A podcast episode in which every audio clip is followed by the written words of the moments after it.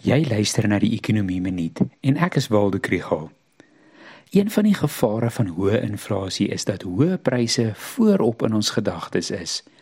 Ons dink en praat oor hoe duur alles geword het en kort voor lank beïnvloed dit die inflasiekoers wat ons volgende maand en volgende jaar verwag.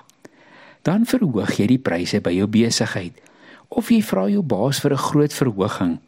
En as almal dit doen, voer ons net die inflasie monster. Navorsing wys dat hierdie is nie net 'n storie wat ekonome vertel nie.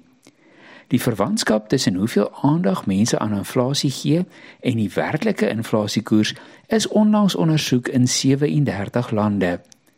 Die hoeveelheid aandag wat mense aan inflasie gee, word gemeet aan internetsoektogte en hoe daaroor inflasie gesels word op Twitter.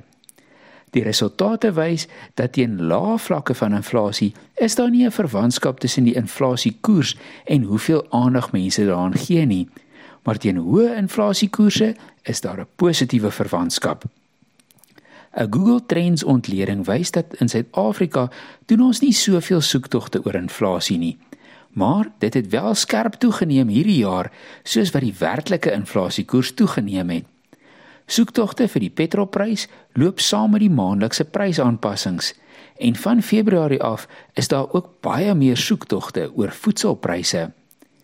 September maand se verbruikersprysinflasiekoers word vandag bekend gemaak en dit lyk of dit hardnekkig hoog bly.